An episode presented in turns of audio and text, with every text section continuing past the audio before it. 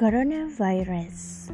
For my opinion, coronavirus is pandemic and this virus don't have a medicine. And for the one, my opinion, this policy is very effective in reducing the spread of this virus.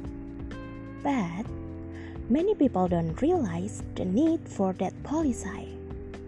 Finally, many people who are still out of the house or even on vacation use the time given by the government to stay at home. And the second, my opinion both need to be applied because the quarantine policy itself is ignored. By community, it may be necessary to implement a lockdown.